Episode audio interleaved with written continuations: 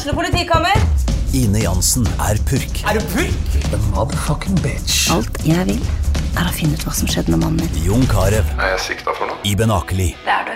Ole So, Lars Berrum og Big Daddy Karsten. Hvem sin side er du på, egentlig? Anette Hoff, Tone Danielsen, Kommer du fra Afrika? Jørnis Josef, Nesten. Kløfta. Trond Espen Seim, Det er synd å si det, men det var feil mann som døde. Purk.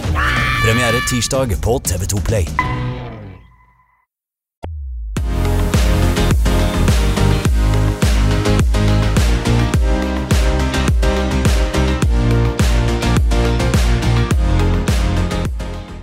Det går, eh, Bjørnar Skjæran?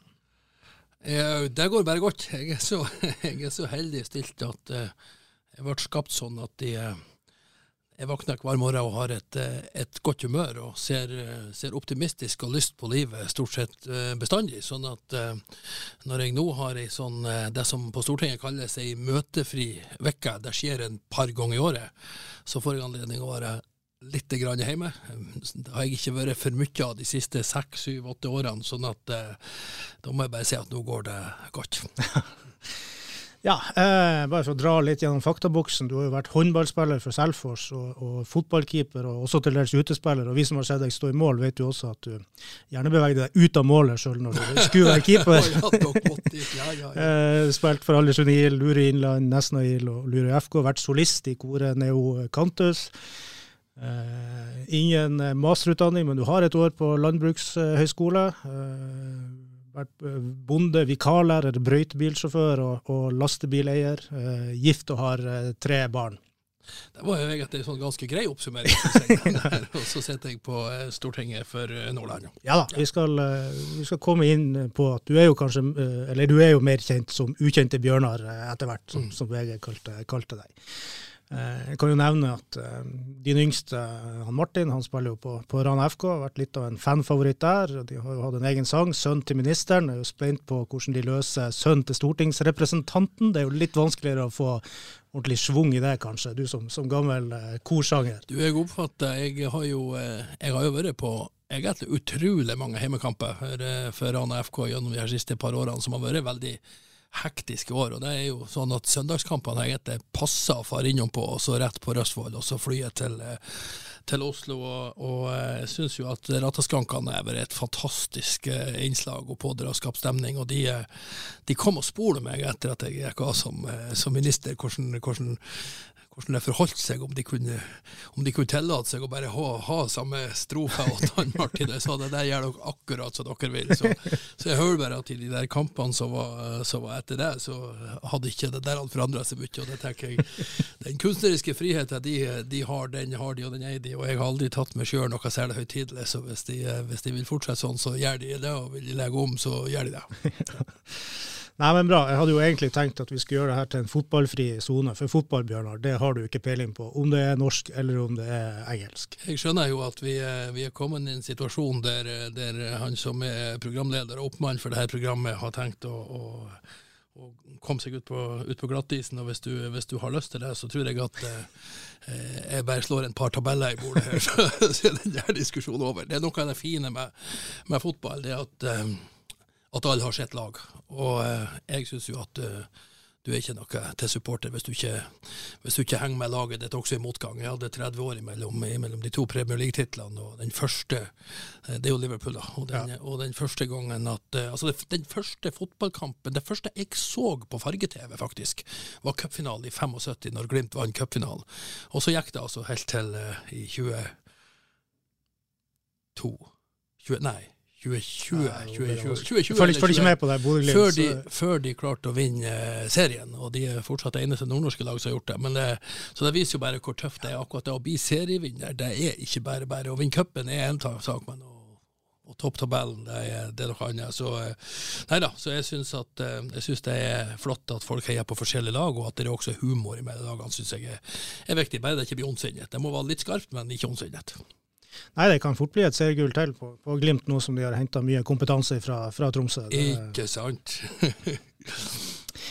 uh, nei, vi var inne på det. Du er jo eh, mest kjent som politiker, så vi får vel dra gjennom det òg. Du, du var jo tidlig inne i kommunestyret, eh, helt fra 1987, og da satt du vel i nesten 30 år i kommunestyret i Lurøy. Det er jo en, en god periode, det. Ja, det var jo, det var jo, det var jo så lenge at, at det var egentlig ganske det var en ganske tøff beslutning å ta da jeg i 2014 egentlig ble bedt om å, om å komme til fylkespolitikken. Jeg ble, jeg ble jo leder i Nordland Arbeiderparti samme året som jeg ble ordfører i Lura i 2011, eh, og stortrivdes egentlig med å være, å være, ordfører i en kommune, så det skjer så mye spennende si. Eh, men så, så vil jeg nå eh, det jeg kan kalle for kjerna i Nordland Arbeiderparti, at jeg skulle komme til fylkespolitikken. og var, Da gikk jeg mange runder med meg sjøl, fordi at når du har vært så lenge i, i kommunestyret i den kommunen som du både er vokst opp og bor i og lever i, så, så har jeg nesten fått et sånt personlig, personlig forhold til det. Så, men så gikk jeg videre til fylkespolitikken, og så, eh, så tok nå det ene det andre. og Derfor, derfor er jeg nå, nå eh, på Stortinget. Det var aldri en plan. Jeg skulle ikke bli heltidspolitiker heller, jeg sa nei til det i flere omganger. Men, eh, men nå har jo jeg vært der siden 2011 da jeg ble ordfører. og det er ja, det er veldig interessant. Det er lærerikt, det er givende. Du får, eh, du får oppleve mye, du kan være med og påvirke mye. Men det er òg eh, litt sånn som for de som driver med toppidrett, at det er òg ganske mye forsakelse. Du er mye hjemme nå. Det er ikke familievennlig. Og det, er, og det handler ikke bare om familie, men du er så mye hjemme at det å opprettholde de gode, gamle vennskapene krever òg eh, noe ekstra. Så, så, det har vært spennende. Så jeg er der fortsatt, og det er, det er givende, men,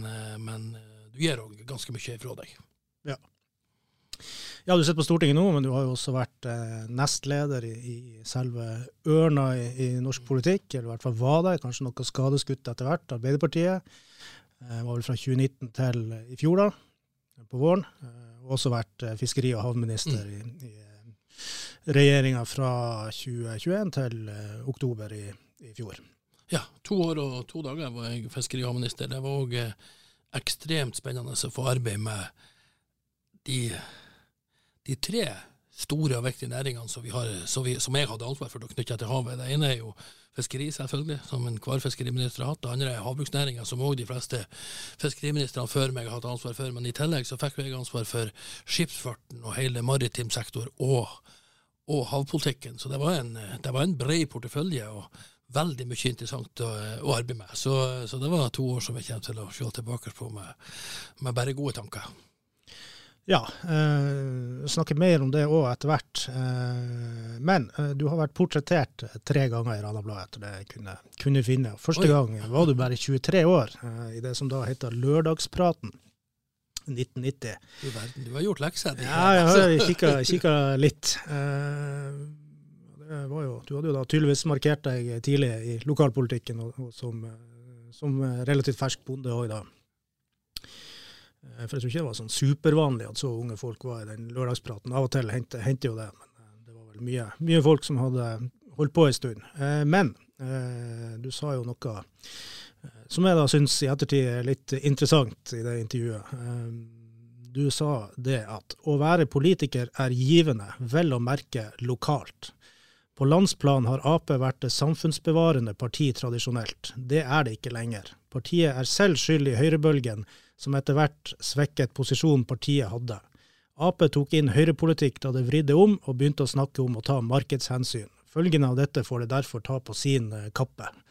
Hva du sier om eh, den 23 eh, år gamle Bjørnar Skjærans analyse? Nei, den er, den er, jo litt artig å høre igjen, da. Eh, og det her er jo eh, hvis, ikke, hvis, jeg var 23 år, så er vi jo i antagelig 89.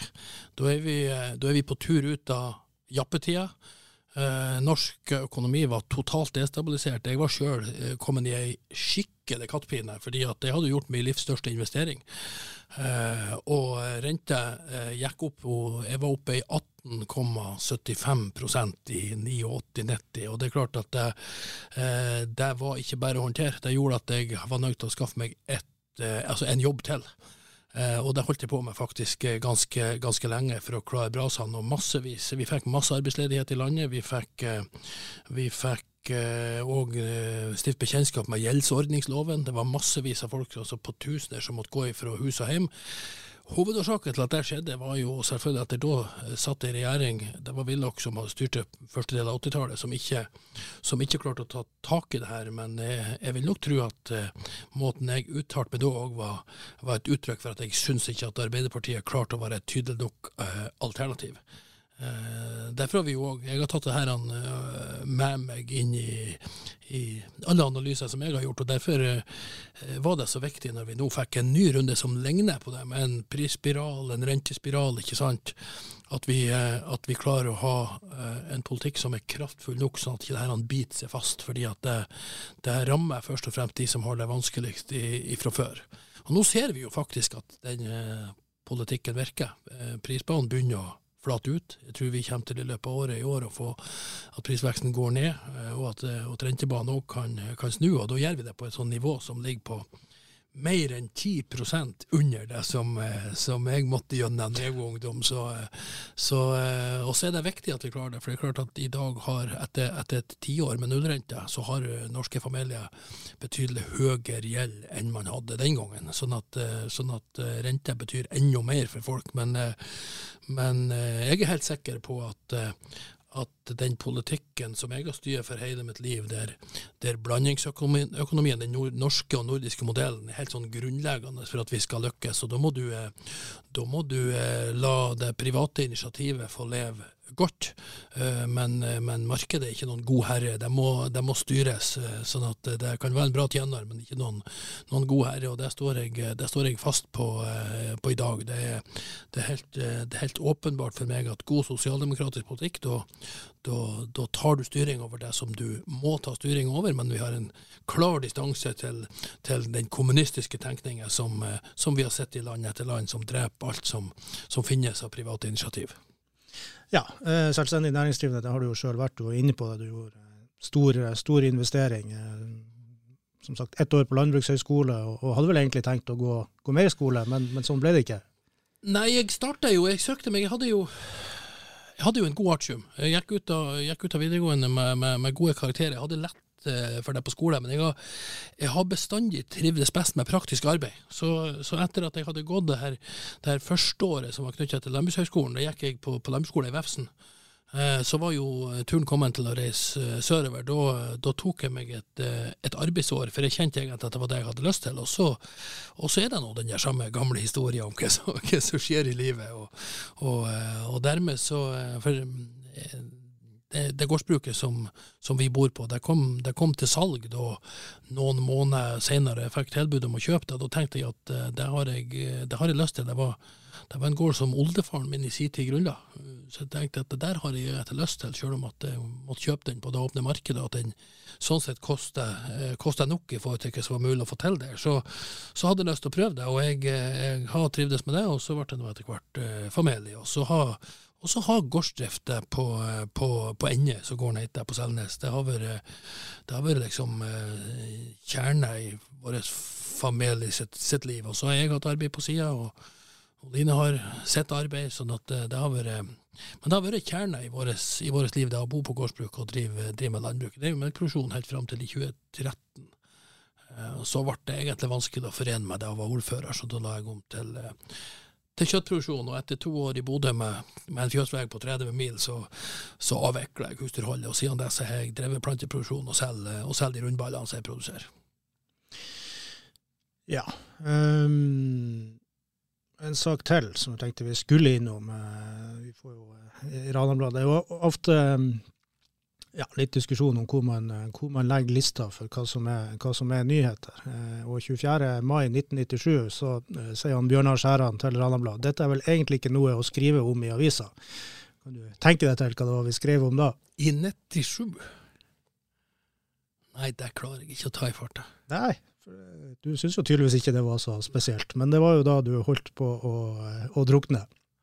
Ah, jeg, var i, jeg har vært usikker på om det var i 97 eller i 98, for jeg har vært spurt om det. Ja, ja, ja. Nei, det syns jeg for så vidt ikke var noe å skrive i avisa om, men det var en, det var en ekstremt dramatisk morgen, det der, det kan jeg si deg. Jeg eh, hadde ikke hatt sjanse å overleve i dag. Jeg var kanskje i mitt livs eh, beste form. Eh, så vidt bikka 30 år, eh, drev idrett, hadde fysisk arbeid. Eh, sånn at eh, da da måtte jeg berge meg sjøl ute på havet, og drev sjølberging på, på, på, høyt nivå. Var nesten en time i, i, i havet i, i, eh, i, et hav som sjekka ut temperaturen jeg kom på land. ringte jeg en kamerat av meg som er, som er oppdretter og spurte hva temperaturen er nå. Den var 5,8 grader. Og det er jo sånn, du leser jo i avisa om at de som de som omkommer etter bare et kvarter i sånt vann. Så det var, det, det var, en ja, det var en stor påkjenning, og det var Mange har sagt at du var heldig da, så jeg opplevde meg egentlig ikke som veldig heldig, for det var en, det var en hard kamp for livet, og jeg fikk etter kjenne på hva slags krefter du har når du virkelig, når du virkelig trenger dem, når, at, når at du blir utfordra på, på overlevelsesinstinktet. Det, ja, sånn at du kjente at her, her er det mer uante krefter som, som kicka inn? Eller? Ja, og jeg var flere ganger så eh, dro jeg konklusjonen om at det her går ikke. Men jeg hadde ikke lyst til å, å gi meg. Men eh, for jeg minnes jeg eh, jeg ble røska på havet av påhengsmotoren, som hoppa av en aluminiumsbåt. og Jeg ja. satt bakerst i, i båten og fikk eh, og fikk en kveil av bensinslangen om foten og ble, og ble, og ble dryet ned med motoren. Uh, og den tanken som, som var i andre enden, det var en sånn plasttank, en sånn 25 liters bensintank, så det var bare noen få liter igjen på. Jeg hadde jo ikke redningsvest på meg, så jeg valgte jo å, å, å, knyte den her på meg for at jeg skulle være liksom livbøya mi. Uh, men, uh, men den, den hefta meg òg når jeg svømte. Jeg måtte jo prøve å nå båten. Det var altfor langt ifra land. sånn at uh, underveis så, så, kom jeg til et punkt der jeg bare skjønner at jeg når ikke båten med det her. Så da, da var det en vanskelig beslutning. For at litt av, av, tanken med å knyte den på meg, var jo at hvis jeg omkom her, så skulle iallfall familien finne meg, sånn at de kunne ha ja, du vet jo hvordan det er for de som kommer bort på havet og ikke har ei grav å gå til. Det er jo noe. Så jeg tenkte, det, det var liksom en tanke. Men når jeg da når jeg da bestemte meg for å, for å knyte den av meg for å gjøre et siste forsøk på å nå båten, da visste jeg jo at det var et litt sånn høyt spill, men det var, det var jo det her overlevelsesinstinktet som drev meg, og da, da klarte jeg å nå båten og komme meg om bord. Så da, da, skjønner jeg jo at det var berget, men det var jo et stykke å, å ro for å komme seg på land òg, så det, det tok sin tid der. Det tok nesten en time, for jeg var der fra jeg kom i båten og til jeg var hjemme. Jeg fulgte med klokka hele tida. Så det var, nei, det var en dramatisk morgen. Ja, det vil jeg tro. Eh, litt seinere, ikke den gangen, men seinere, så, eh, så, fortalte du at det var Du kom deg jo på land, eh, og da hadde du krøpet opp til veien, og så var det en kjenning av deg som, som, kjørte tilfeldigvis forbi. Ja. Klokka var jo bare åtte om morgenen. Jeg dro hjemmefra før sekstiden. Ja, akkurat. Og da var det sånn rundt åtte om morgenen da. Så det var, en, eh, det var faktisk en lokal fisker som skulle til Mo og, og selge gårsdagens fangst, som kom kjørende. Så, så, ja, og så sånn ble det at jeg ble, at jeg ble skyssa hjem, da. Ja, og du foreslo at du skulle sette bak med fisken, for du var gjennomvåt. Og... Nei, jeg var jo så... Men det fikk du ikke lov til? Det fikk jeg ikke lov til. Han, eh, han var krystallklar på at jeg måtte sitte i et ordentlig sete. Jeg så jo, han skjønner jo hva det her var for noe. sånn at eh, så da kjørte han meg, eh, kjørte han meg hjem. og jeg, Det her har jeg egentlig tatt med meg. Jeg, når jeg var fiskeriminister, så lanserte jeg det med en med nullvisjon for omkomne på sjøen. Og det er litt ut ifra de erfaringene som, som, jeg har gjort. Men jeg tror det vært, ikke, ikke, at jeg har et sånn bevisst forhold til det, men jeg tror det, det handler litt om det at jeg har hatt litt, litt, ekstra interesse for det med sikkerhet på havet. Ja, eh, jeg skulle til å spørre deg om det. altså Prega det her deg på, på noe vis? Eh, jeg var jo spent på det, for at det her var så dramatisk og jeg så hard påkjenning. Jeg var jo så nedkjørt at føttene ikke virka. Altså jeg, altså jeg rodde på land, og når jeg skulle gå ut ur båten, så virka ikke føttene. Da har jeg jo selvfølgelig alt altfor lav eh, kroppstemperatur, og da får du jo en ganske sterk eh, fysisk reaksjon. Så, så, jeg var jo spent på om at jeg skulle om jeg skulle få en sånn psykisk reaksjon etterpå. Det, det fikk jeg aldri, og det, det, det, kan man jo bare være takknemlig for hvordan det er. Det vet man jo aldri. Men, men det har nok, det nok ligget der. Og det rare for det, har jo, det var jo en, en, en, kultur at redningsvest det var noe som man kledde på ungene, og sånn var det hos oss òg. Jeg har, jeg har bilder av meg og eldstedattera fra året før vi er på havet, og da har hun redningsvest på, og ikke jeg. Så det var sånn det var. og jeg men jeg er jo et politisk menneske, sånn at eh, jeg minnes ganske godt når min beslutning Hun ble ikke tatt da heller. altså. Min beslutning om å begynne å bruke redningsvest det var når, når stortingsgruppa til Arbeiderpartiet var med å utgjøre flertallet for at det skulle bli påbud med redningsvest i småbåt. Da, da, da, begynte jeg å bruke redningsvest. Og det er jo nesten ja, det er jo nesten tåpelig å tenke på at man ikke gjorde det tidligere. Men uh, så har det heldigvis òg skjedd en utvikling på redningsvestene. De er jo ikke noe, det er ikke noe ubehag med å ha de på seg. Nei, de har vel, de vel endra seg litt uh, gjennom Eh, men du ble jo da, vi har vært inne på det, du kom jo til uh, toppen av norsk politikk. Uh, vil jo gjerne høre litt om, om hvordan skjedde det. Jeg har jo sett på Makta på NRK, så jeg går ut fra her er jo spennende historier med både fester og, og spill på bakrommet og lekkasjer og, og diverse. Hvordan, hvordan, ble ukjente Bjørnar 52 eh, nestleder i, i Arbeiderpartiet? Nei, det har seg sånn at den, eh, Hans Christian Gabrielsen, som uh, da var uh, han, er jo, han, er jo, ikke mer blant oss, men han var jo leder i LO, og var også leder i valgkomiteen til Arbeiderpartiet inn mot landsmøtet i 2019. Han, han ringte meg og, og spurte om det var noe som jeg kunne tenke meg, og da, da oppfatta jeg vel at det var noe med min profil og min erfaring og min bakgrunn som uh, som gjorde at det var interessant. Jeg har jo, gått, jeg har jo vært folkevalgt for, for, Arbeiderpartiet, og tillitsvalgt òg, hele mitt voksne liv. Ifra, som du sa, fra 87, og faktisk litt før det òg. Så, så, eh, så, der var ikke noe maktspill som lå bak. Og det har liksom Det har aldri lyet til meg å, å delta i det. Jeg bruker å skøye med det at eh, hvis jeg, eh, hvis jeg hadde vært med i Farmen, så så tror jeg nok eh, med den bakgrunnen som jeg har, at det skulle skåre bra på de ferdighetene som trenges på Farmen. Men jeg har nok eh, røkket ganske tidlig ut, fordi at det her med, med, med, med spill og sånt, det har aldri, aldri lyet for meg. Sånn at, uh, det var nok ikke noe maktspill som lå bak den gangen. Du ble jo sett på som et litt sånn kompromiss mellom ulike sterke kanskje fraksjoner i, i, partiet. Så du på det, på det sånn sjøl?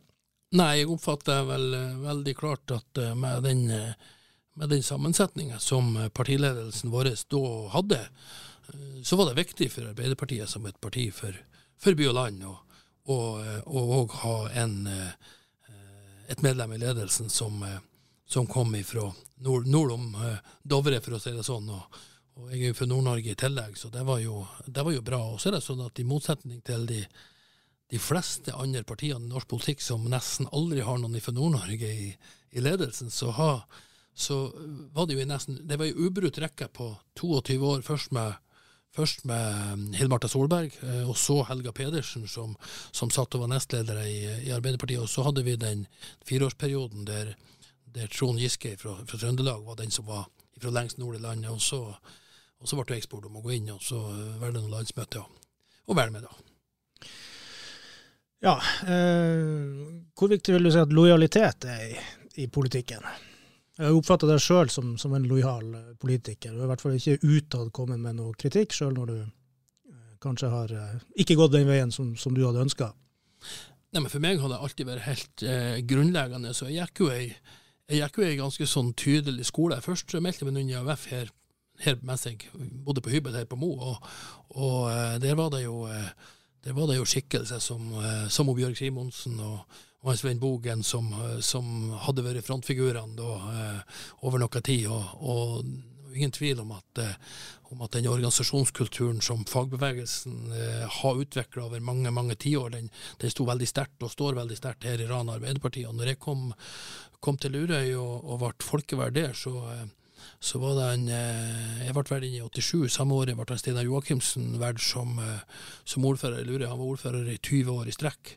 Og han var òg av den skolen som handla om at vi måtte, vi måtte måtte alltid skjønne at når du, eh, når du skulle være folkevalgt og tillitsvalgt i et, i et parti, og, og, for vår del da i Arbeiderpartiet som en del av, arbeiderbevegelsen, så er du en del av noe som er mye større enn deg sjøl. Da, da må du være lagspiller og ta de, eh, de, diskusjonene man skal ta, de tar du internt. Og når man har tatt en beslutning, så, så respekterer vi flertallsavgjørelser. For meg har det vært helt sånn, sånn grunnleggende. Jeg satt òg i, i vedtektskomiteen framfor et landsmøte i Arbeiderpartiet for ja, det begynner vel å nærme seg eh, det begynner å nærme seg ti år siden. Eh, da, eh, da laga vi en organisasjonsuttalelse som handler nettopp om det. Og, og der var det tre, tre, ord som gikk igjen, og det er profesjonell, respektfull og raus. Og jeg tenker at det er sosialdemokratiske verdier, så du må ha med deg inn i måten du arbeider i en organisasjon på. Ellers er det ingen vits i å ha politiske verdier som, som, du setter høyt. Det må være en sammenheng mellom det og organisatoriske verdier. Så det, Jeg har hørt at jeg har blitt omtalt som eh, nest, nesten i overkant lojal til partiet mitt, men for meg har det aldri vært noe eh, aktuelt å, å se annerledes på det. Jeg har, vært, jeg har, fått lov til å sitte i kommunestyret i, i 28 år fordi jeg har styrt på liste til Uri Arbeiderparti og var en del av det laget. Og så ledet jeg Nordland Arbeiderparti og satt i, i, i fylkestinget i to perioder. og så ble jeg en del av ledelsen i partiet nasjonalt når jeg, i, når jeg kom dit i 2019. og og sitter nå på Stortinget for Arbeiderpartiet. og Da, da, eh, da tenker jeg at den, eh, den, gode, gamle skole som både partiet og fagbevegelse alltid har holdt opp på, liksom, Gerhardsen sin, sin tillitsmann, der det, der det fremgår så tydelig at uh, de, de, store og tøffe diskusjonene de tar vi internt, men når vi har tatt en beslutning, så er det å slutte rekken som gjelder. Syns du at du har fått betalt for din lojalitet? da? Aldri, aldri tenkt, eh, tenkt sånn, for at det blir, det blir helt feil. I, i, politikken så skal du ikke, skal du ikke få eh, du skal ikke få betalt. Du får, eh, du får, muligheter, du får lov å representere noe som er langt større enn deg sjøl, og så, så, får du gjøre det på best eh, mulig måte. Og så, og så får de, eh, de organene som, som, tar beslutning om hvordan det skal være framover, de, de, får ta sine beslutninger. Nå er det sånn at eh, jeg er ikke lenger en, en, del av ledelsen i Arbeiderpartiet, men jeg sitter i sentralstyret. Der har jeg sittet nå et, et, siden i 2013, så over et tiår. Og så eh, er jeg ikke medlem av regjeringa, men jeg sitter på, på, Stortinget. og Da tenker jeg at da er, da er min inngang til det at da gjør jeg jobben best mulig der jeg er. Eh, forsøker å, å fremme de, de, interessene som jeg er valgt inn for. Jeg er valgt inn for Nordland Arbeiderparti på Stortinget, og da er det, da er det de interessene, den politikken, som, eh, som, eh, er det viktigste for meg å, å prøve å få gjennomslag for. Eh, du trakk deg jo fra nestleder. eller kamp, eller det re, vil ikke bli gjenvalgt som det, mm. etter at det kom frem at du nok trolig kom til å bli vraka av valgkomiteen da. Eh, og Det skjedde på våren i fjor, men du satt jo da fortsatt som, som fiskeri- og havminister. Eh, hva, hva, sier du til Jonas Gahr Støre når han da ringer på høsten og sier at eh, okay, du har gjort en god jobb, men av ulike årsaker så, så, får du ikke fortsette i regjering heller? Jeg tror at de, de samtalene som jeg har med, med min leder, og i, denne, i dette tilfellet jeg som, eh, som, statsråd, som minister, hadde samtaler med statsministeren. De tror jeg skal få lov til å, til å være mellom oss. Det syns jeg er, er, den måten jeg liker å, å håndtere ting på. Når jeg kommer med, med, nordnorske kraftuttrykk, så kan jeg ofte slenge på 'unnskyld nordnorsken min'. Er det sånn at du kunne slengt på 'unnskyld nordnorsken min' i den samtalen? Nei, for meg uh, har det alltid vært sånn at jeg uh, har et eh, språk som jeg oppfatter at folk både i Nord-Norge og i resten av landet forstår veldig godt. Jeg, kan òg være veldig tydelig, og i det ligger der at det har nok hendt Jeg har vel én gang i, i, mitt liv som politiker bantes på TV-en, det var, det var ett ord da. Men jeg har ikke behov for å drive og, og, og, og legge, legge, på den type kraftuttrykk. men jeg tror at i de samtalene som jeg har, enten vi snakker nå om denne samtalen eller andre samtaler, så vet folk hvor de, hvor de har meg hen. Jeg har en tendens til å uttale meg sånn at folk vet hva jeg står for. Eh, du har jo sagt det, du var inne på det, du har aldri eh, hatt noe eh, ambisjon om, eh, om posisjon. Eh, hvordan er det i dag? Vil du liksom tilbake opp et nivå, eller er du fornøyd med å være stortingspolitiker, eller vil du rett og slett ha mer ro og fred, hvis vi ser fremover? Nei, jeg tenker sånn at jeg ser ingen grunner til at jeg skal tenke annerledes i dag enn jeg har gjort før. For da om at jeg har vært, vi, om, om, vi kan si det høyere opp i hierarkiet en periode, så, så, er det naturlig for meg å tenke sånn som jeg har tenkt hele livet. At når du har, når du har fått, enten det er noe på arbeid eller i, i, politikken, når du har fått en oppgave, så, så er jo eh, ambisjonen min å levere best mulig ut ifra den jobben jeg har, den, det handlingsrommet jeg har. og så eh, og Så får noen andre dømme eh, etter hvert om, om de syns at det er en, en, en, en, god eller en dårlig jobb. Men, eh, men, jeg tror jo at jeg har ikke jeg har ikke gjort alt galt opp gjennom livet, i og med at jeg har fått de mulighetene jeg har fått. Og så har jeg sikkert vært litt heldig og var på, på rett plass eh, til rett tid, som har, som har gitt meg noen, noen ganske viktige posisjoner, som òg gir både stort ansvar og store muligheter. Eh, du måtte jo gå, som sagt. Det var jo ikke som følge av noe skandale. Det har det vel kanskje eh, vært eh, litt av med, med, med masteroppgaver, med, med aksjekjøp, med, kanskje ikke helt uh, riktig forhold til habilitetsvurderinger. Men det var jo én sak som, som, var veldig omtalt en stund. Det var jo i pandemien, da du var innom et, et nachspiel på, på Scandicave i, eh, i Bodø. Eh, på det tidspunktet var det jo veldig strenge regler for hvor mange man kunne være samla i et rom, og man, man oversteg det antallet. Eh, hvordan opplevde du det trøkket, og hvordan opplevde familien din det trøkket? Nei, For det første så, så er det jo sånn at det å, det å var en av bare et par statsråder som har, som har, gått av uten at det var en egen pressekonferanse om det. Det, noe, det, det kan jo sikkert sjåes på, på, på, flere måter. og Jeg har et, jeg har et sånn avslappa forhold til det. Eh, eh, når det gjelder akkurat den, den historien om, om, det der såkalte nachspielet i Bodø, så er det, det er en sånn Det var egentlig en opplevelse som var helt surrealistisk for meg. For jeg, og jeg bestemte meg med en gang at selv om jeg var nesten 100% sikker på at vi ikke hadde brutt noen bestemmelser, eh, og det at det her var, det her var ei, uh, ei ansamling som jeg ikke var en del av mer enn at jeg var innom en halvtime, tre kvarter, fordi at jeg, fikk, jeg ble oppfordret til å komme og si godt, jobba til de som hadde jobba med å få årsmøtet uh, avholdt. Det var jo et helt sånn spesielt årsmøte under pandemien. Det var digitalt, og det var noen som var samla på Skandikave for å få det her, til, å, til, å, kunne foregå. Så, uh, så gjorde jeg det, og da tenkte jeg at jeg var på en måte den med med høyeste rang her i rommet. Det var helt uaktuelt for meg å skulle prøve å bortforklare, eller at det skulle se ut som jeg skylder på andre. Derfor valgte jeg å, å eh, ta hele belastninga med det her på meg, og var den som sto i media i det her. Men, eh, men eh, ikke var det noe nachspiel, ikke var det noe ulovlig som foregikk, eh, og det var heller ikke noe, det var heller ikke noe alkoholkonsum å, å, å, å snakke om. Eh, jeg tror hvis du delte ut de antall enheter så var det, så hadde det vel eh, kanskje en to-tre bokser øl per snute. Det er sånn at eh, jeg er nå for så vidt en mann av få glass, men, men, men det kalles iallfall ikke fest der som jeg kommer ifra.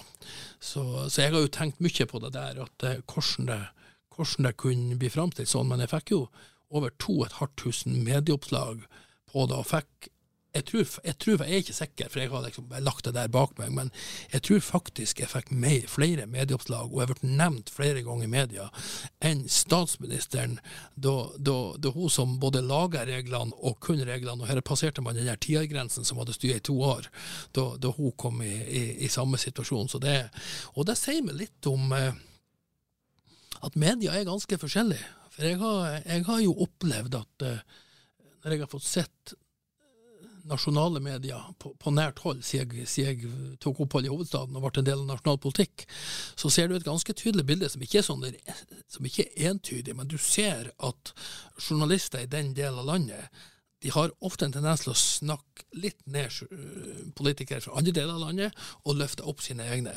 Men NRK Nordland valgte altså her å lage et av de mest spekulative bildene jeg har sett, og på den måten så, så drog de en av nordlandspolitikerne som var kommet ganske, ganske høyt opp ned i, ned i skiten og sørga for at, at det her ble en sånn karusell som det ble. Og det, jeg har bare dryet på smilebåndet av det, og så ser jeg at nordlendingene de dømte oss ikke hardere enn at vi gikk faktisk fram 9% ifra den der happeningen og til, til valget.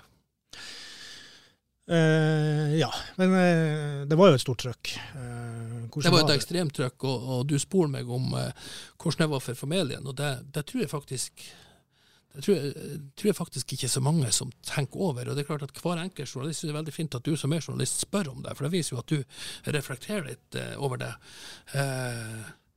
Jeg har, en, jeg har en sønn som gikk på videregående da. Eh, og som ble konfrontert med alle de her bildene og videoene og all humoren som ble laga rundt, for det ble jo personifisert på meg, det her. Um, og som kanskje da, til effekt hatt med en ordentlig prat med uh, nok hadde en følelse at han skulle stå opp og ta faren sin i, i forsvar. Det var en helt umulig situasjon. Han opplevde òg å bli, å bli mobba av ja, iallfall minst én voksen person som han stoler veldig, veldig på framfor, framfor resten av gruppa. og Det syns jeg var helt uh, utålelig å tenke på. Så, så, det er klart at det, det, å, være, det å være familie og pårørende til, uh, til politikere som, uh, eller andre som har stort mediefokus, det kan være veldig veldig krevende. Men heldigvis er det sånn at mine, mine unger de de er godt rustet for å klare det. Men jeg syns jo at det hadde vært fint hvis de hadde sluppet det. Ja, og så er det vel samtidig sånn at uh, klart politikere på det nivået som, som, du var og er, du må jo tåle et, et, et søkelys. Jeg tåler det, og derfor sier jeg at jeg har hatt et helt sånn avslappa forhold til det. Og jeg valgte som sagt å gå offensivt til verks. Jeg var jo allerede samme den, den mandagskvelden så var jeg med på Dagsnytt 18 og ble grilla ganske hardt. Og, og det tenker jeg, sånn må det være. Men, eh, men, det er noe med, med omfang, og det lå jo selvfølgelig det lå ei, ei massiv forhåndsdømming. Vi ble jo senere frikjent, først av, ja, av politiet og senere av statsadvokaten. Ja, det er jo riktig som du sier. Altså, her var jo noe usikkerhet om hva som gjaldt, og sånn, men det viste seg jo at man, man var vel ikke utafor uh, for det. Men samtidig, du la det vel flat?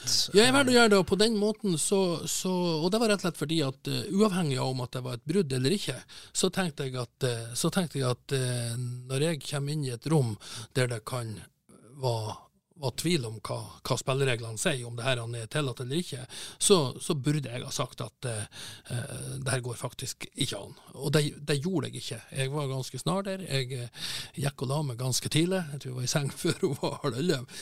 Men, men det, var aldri, det, var aldri, aktuelt for meg å, å, å liksom legge den der vinkelen på, på bordet. Jeg, jeg, jeg, tok ansvar, og med at jeg, som du, det du kaller å legge seg, seg, flat, med at jeg gjorde det, så, så ga jeg kanskje også uh, norske medier en, en, ekstra grunn til å tenke at her, uh, her hadde skjedd noe som, uh, som ikke burde ha skjedd, og som kanskje ikke var lov. Ja, men hvordan er hverdagen til en, en statsråd? da? Hvordan så en vanlig arbeidsdag for, for fiskeri- og havministeren ut? Nei, det er ingen, det er ingen uh, vanlige arbeidsdager. Uh, og de som ikke har prøvd å være statsråd, de, de, aner ikke hva det dreier seg om. For det, og jeg stortrivdes. Jeg har, jeg har alltid likt å arbeide mye, og det begynte egentlig med at jeg måtte ha en jobb i tillegg til, til å være gårdbruker. Så jeg har alltid, alltid hatt, hatt, lange arbeidsvekker. og det tror jeg kom meg til nytte. For at i, den, i, de to årene som jeg var, var statsråd, så var det aldri ei hel uke da du hadde helt fritt. Eh, og arbeidsvekken lå jo stort sett på 90 og 100 timer hele tida. Sånn at, eh, og det var også sånn at når man har ferie, så er det ikke så er du, du er aldri frikobla om, om, du velger å ta ut det som, som for, for, alle andre er en, en, en ferie. Sånn at, eh, sånn at, det å snakke om hvordan en sånn arbeidsdag er, det går faktisk ikke an. For det er stort medietrykk. I, I departementene så er det en ekstrem saksmengde der du tar beslutninger hele tida. Og de blir, jo, de blir jo aldri nevnt hvis de hvis det ikke blir trøbbel rundt det. Det går ikke an å ta så mange beslutninger at ikke ei beslutning innimellom er sånn at den kan både sås tvil om eller være kritiske røster til. Sånn at du arbeider under et stort trøkk, både arbeidstrykk og medietrykk. og det eh, da tenker jeg det er iallfall en, det er en fordel å være sånn, eh, sånn rusta at, at, du klarer å holde en, en slags ro, selv om du må arbeide i et sånn hektisk miljø. Jeg tenkte mange ganger på det. Jeg hadde jo, jeg jo snøbrøytinger på Kystsvikveien i, i, syv år. og da, Det hender seg jo at du kommer i en situasjon der, der du ser at du plages med å håndtere rett og slett de snømengdene som kommer. at Selv om du brøyter, kjører hele tida, så når du kommer tilbake til der du var for en halvannen time siden, så ser det ut som det aldri har vært en brøytebil. Og da må du på en måte du må stå på. Du må jobbe hardt. Du kan ikke stoppe. Men du må ikke begynne å skynde deg, for hvis brøytebilen da bærer veien, så blir det jo bare ti ganger verre. ikke sant? Så jeg tenkte mange på at den, den erfaringen var litt grei å ha med seg. Du må, du må jobbe på, du må, du, må, du må, ta det her suksessivt, men du må ikke begynne å stresse deg opp sånn at, sånn at du risikerer at du, at du gjør overilte beslutninger heller. Hva som var den vanskeligste saken å jobbe med i den regjeringstida?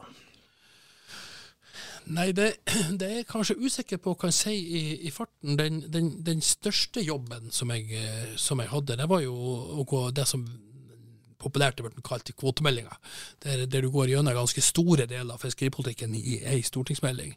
Eh, så ble det noe sånn i og med at jeg gikk av eh, 16.10 i, i, eh, i, fjor, at jeg fikk ikke lagt henne fram. Men jeg kjenner kjenner godt igjen den meldingen som er lagt fram. Vi var, vi var stort sett eh, i mål når vi, når vi kom dit. Rett.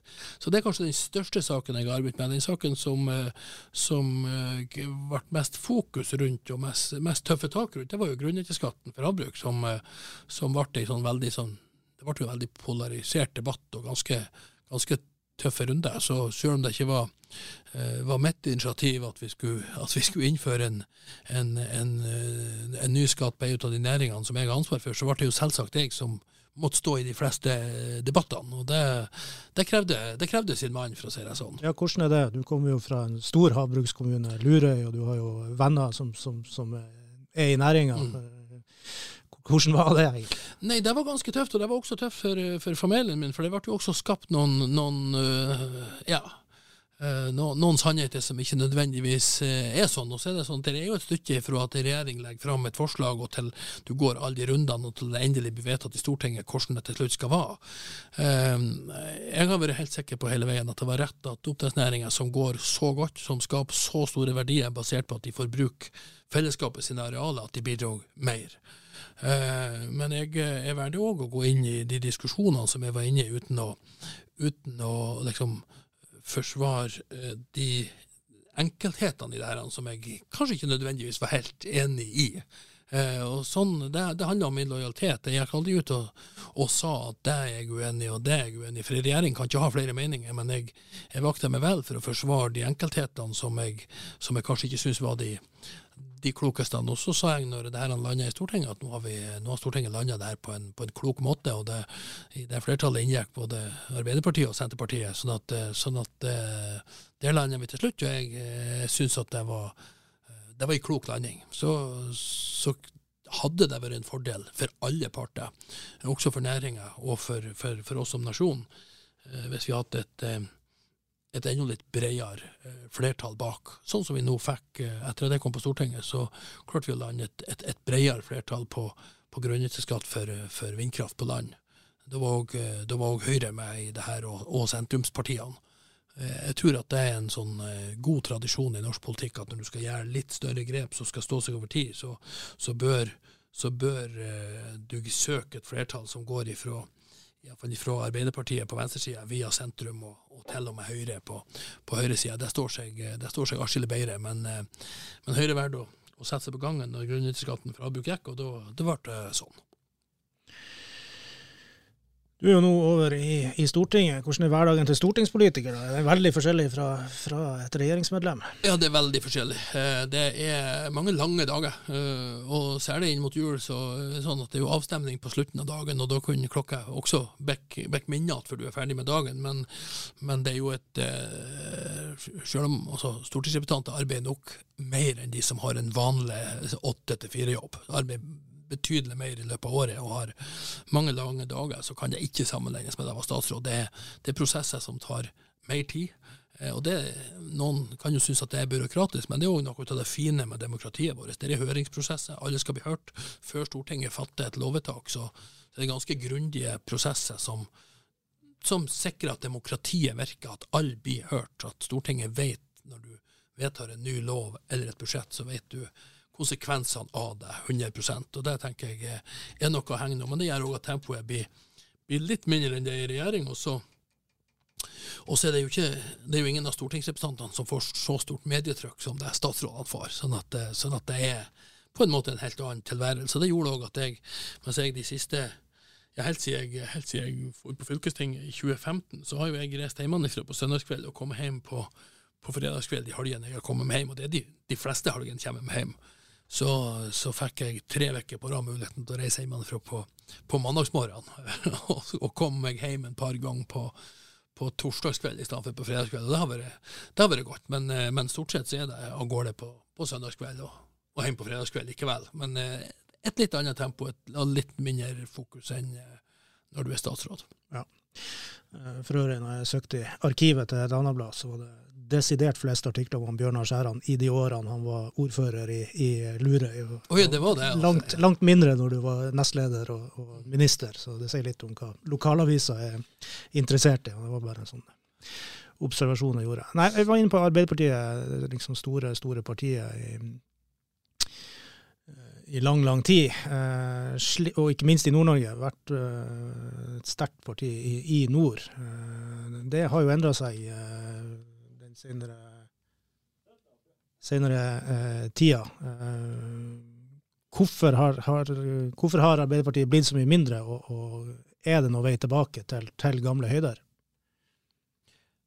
Jeg tror at veien tilbake til gamle høyder i den betydning at man hadde rent flertall både, både Det er vanskelig. Ja, den har ikke noe tro på. Jeg tror det er bra for norsk politikk at, eh, at ikke et parti driver og har flertall over periode etter periode etter periode alene. For det gjør noe med, med dynamikken i de organene som folkevalg. Eh, Demokratiet fungerer likevel, for det møtes jo folk og diskuterer, men, men eh, det har jeg ikke noe, noe tro på. Vi ser jo at enkeltkommuner, så kan du Bindal har fikk Arbeiderpartiet 80% på valget nå og sånn, men, eh, men, men, til de høydene tror jeg ikke. Men at Arbeiderpartiet kan være et eh, parti i framtida på, på over 30 ja det tror jeg på. Det ser vi jo. Hvis du ser til f.eks. England, der Labour lå, var helt nede på en 10-12 over noe tid, så er de nå oppe i gamle høyder. og langt opp på 40-tallet hadde målinger på over 50. sånn at det, det er ikke naturgitt verken å være 30-40% eller å være under 20. Det her handler om hva slags, hva slags arbeid man greier å nedlegge, og hvor troverdig man klarer å, Og være. Og det at folk, at mange nok opplever at, at det sosialdemokratiske prosjektet er et prosjekt som som òg de kan identifisere seg med. Ja. Um, vi begynner å nærme oss slutten. Eh, det som er et gjentagende tema, eller vil være et gjentagende tema i, i denne podkastserien det er jo gjestene sitt, uh, sitt, syn på Mo i Rana. Uh, både hva som har vært, hva som kanskje er bra, kanskje hva som er, er dårlig, og hvordan utviklingen har vært. og Jeg har lyst igjen å lese opp et sitat fra, fra denne lørdagspraten i, på våren 1990. Eh, og Da sier han Bjørnar Skjæran til Ranablad at eh, Rana har vært gjøkunge overfor eh, nabokommunene. Gjøkunge er altså en person som trenger seg frem på bekostning av dem som fra begynnelsen av har hjulpet dem. Hva, hva la du i den uttalelsen, og det er noe du, du fortsatt står for? Nei, den, den handler nok om det som var en opplevelse da i veldig mange av de andre kommunene eh, på Helgeland. Eh, jeg kom jo inn i, en, eh, i politikken òg i en periode der miljøene i, i Rana og miljøene i Vefsn, iallfall i Arbeiderpartiet, samarbeidet veldig godt. Og det er vi som tilhørte kystdistriktene aldri kunne greie å etablere eh, noe flertall for, eh, f.eks. en kandidat eller, eller, i en sak der man hadde ulike interesser, så syns jeg at, eh, så syns jeg at Rana-politikken har, har, gått en lang vei siden den gangen. Og, og bare sånn et eksempel på det er jo når forrige gang vi hadde sykehusdebatt, 2019-2020. Da, da var det vel sånn at den eneste den eneste ordføreren på Helgeland som tok til orde for at det måtte være et sykehus i Sandnessjøen, det var vel Geir Våge. sånn, at, sånn at, jeg syns på en måte det er et bilde på at, at uh, Rana-samfunnet på mange måter er blitt en, en bedre storebror enn man, enn man, var. Og jeg tror at det har hatt betydning det at vi har all den utvekslinga, kulturutvekslingen som finnes med at uh, ja, det er mye folk eh, her ifra eh, byen som har, som har hytte i nabokommunene. Både Lure, Rødøy, Træne, Nesne og for så vidt lenger sørover Dønne Herøy òg. Sånn at eh, samtidig som, eh, som folk ifra fra kysten har fått helt økonom, økonom, et helt annet økonomisk handlingsrom enn før, og, og bruker tid i regionsenteret mer enn bare det å handle og dra hjem på ettermiddagen, men er her over gjennom helger og på kulturarrangementer og sånn, at man eh, rett og slett er blitt bedre kjent med hverandre. Jeg tror det har hatt betydning, så, eh, så det, var nok, eh, det var nok et uttrykk for sånn som vi mange opplevde politikken den gangen. Og så registrerer jeg at det fortsatt er en del som mener det samme, men jeg har et, eh, jeg har et litt annet syn på det. Men eh, det er sånn at enten det er Mo i Rana, eller det er i en Helgelandssammenheng, eller det er Bodø i en Nordlandssammenheng, eller det er Oslo i en nasjonalsammenheng, eh, så skal vi ikke ha forventning om at den, den, den, den, største i familien er en god storebror. og det, er, det tror jeg noe som en, en, en, en stor by eller en, eller en storby må, må arbeide med hele tida. Det får være siste ord, Bjørnar. Du får ha takk for at du eh, kom til Rana Blad sitt eh, podkaststudio. Veldig hyggelig. Takk skal du ha.